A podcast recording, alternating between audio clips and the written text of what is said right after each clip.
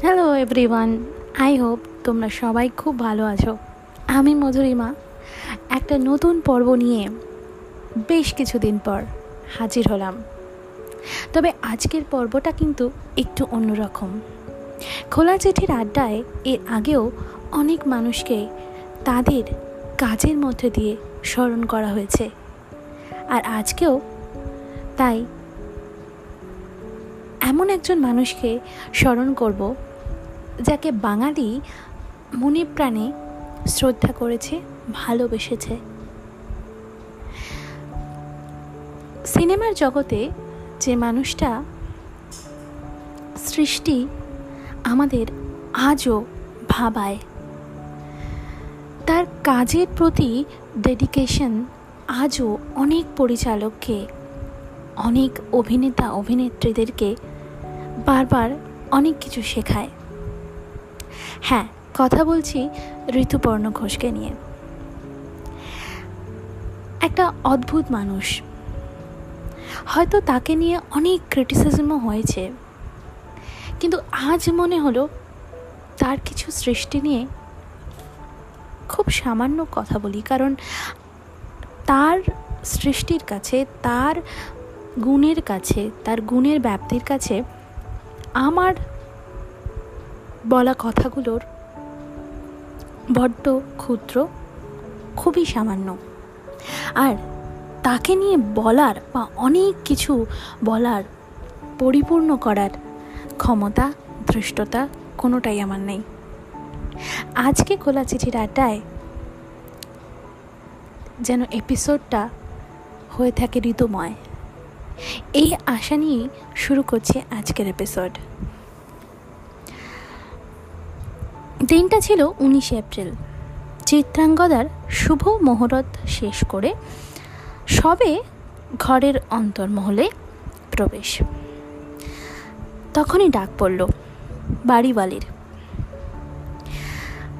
আরও একটা প্রেমের গল্পের আবদার। সবে তো মেমোরিজ ইন মার্চের উৎসব গেল। এরই মধ্যে ডাক।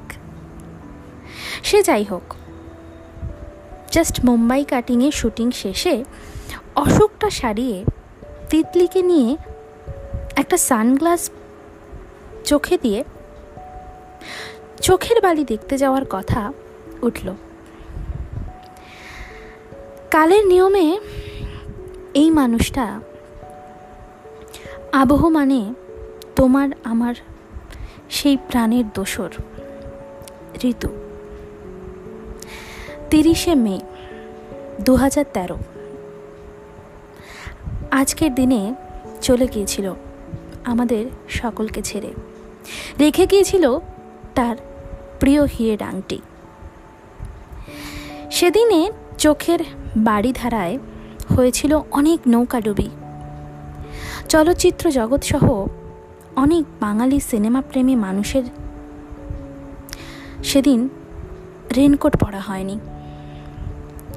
তারা ভিজেছিল ভালোবাসার, শ্রদ্ধার, কষ্টের এক অদ্ভুত দহনে,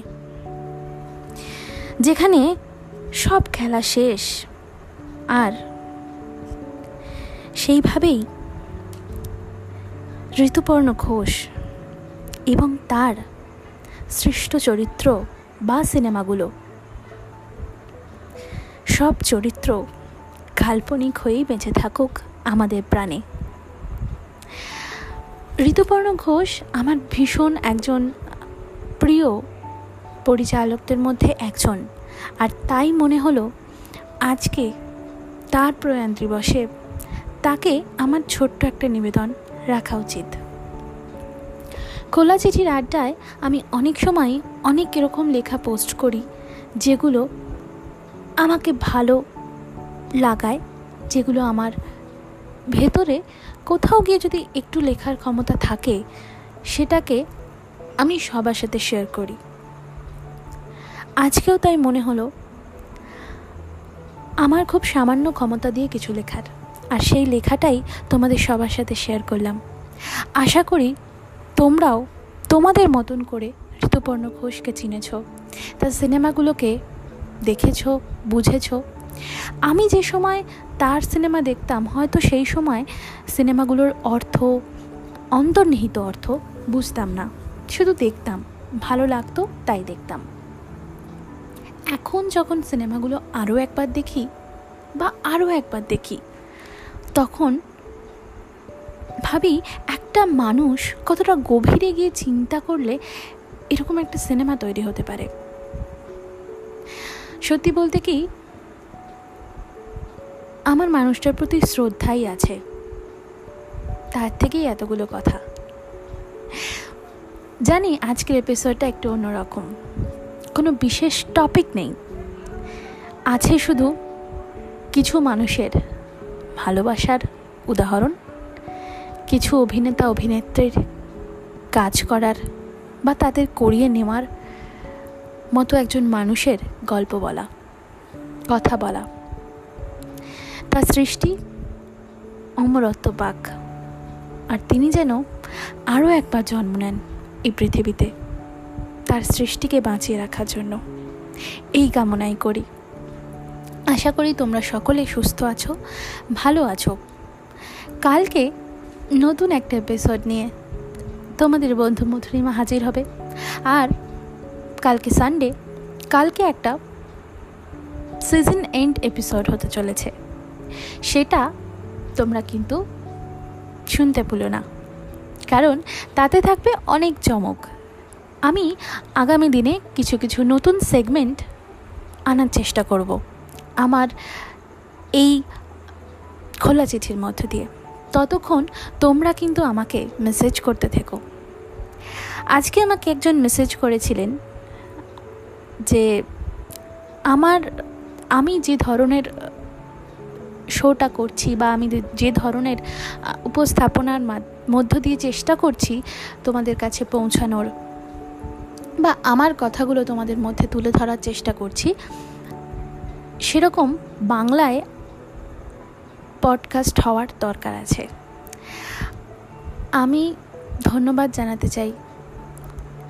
এই কথাগুলো বা এই ভালো লাগাগুলো নিয়েই আগামী দিনের পথ চলাটা হয়তো আরও মসৃণ হবে।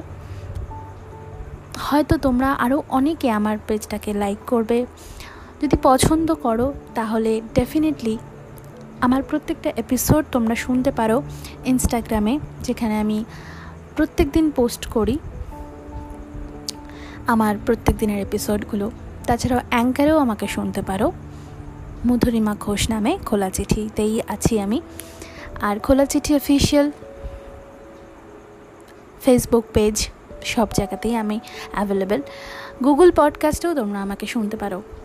তাই অনেক কিছু নিয়ে আগামী দিনের এই খোলা চিঠিকে এগিয়ে নিয়ে যাওয়ার ইচ্ছা। আর সেই সঙ্গে তোমাদের ভালো লাগা, তোমাদের খারাপ লাগা সব কিছু শেয়ার করো আমাকে।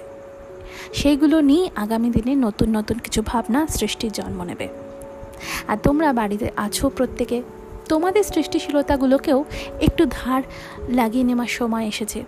কারণ আরও একটা মাস হয়তো আমাদের গৃহবন্দী থাকতে হবে। তাই সেই সময়টাকে নষ্ট করো না। কাজে লাগাও তোমাদের সৃষ্টিশীলতায়।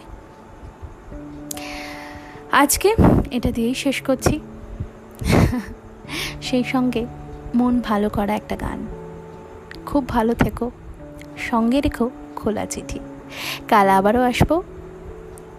ততক্ষণ শুভরাত্রি, ভালো থেকো।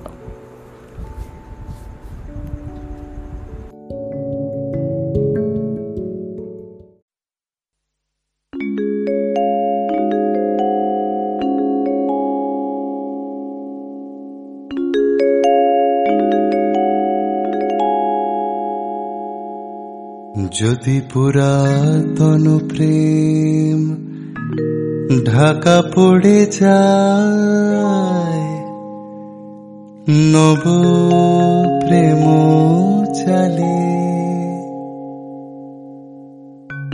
যদি থাকি কাছাকাছি দেখিতে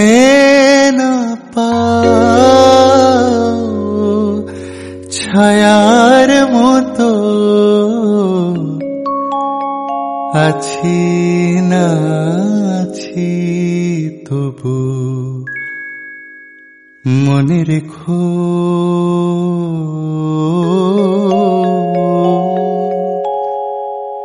তবু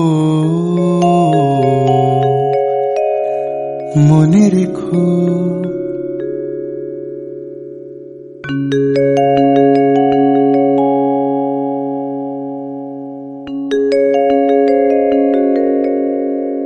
যদি জল আসে, আখি পাতে যদি জল আসে, আখি পাতে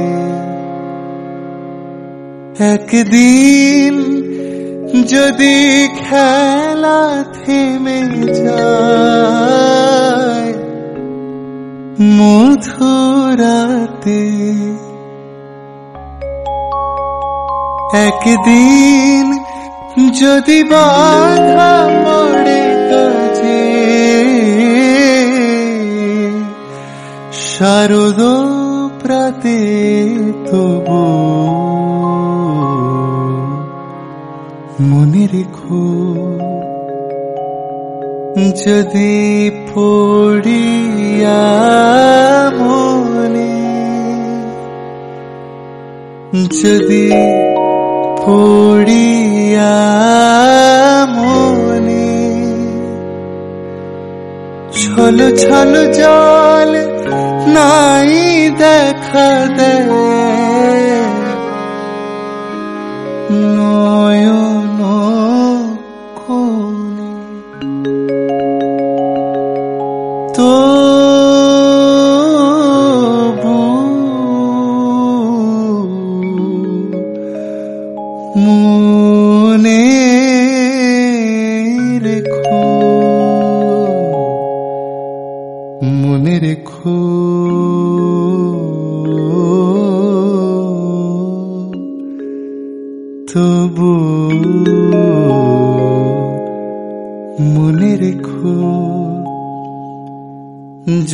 दूरे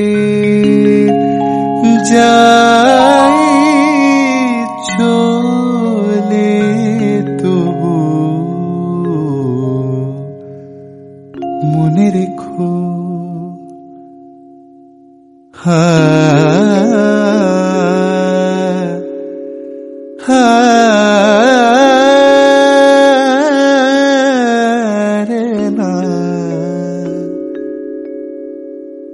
हरेर्यो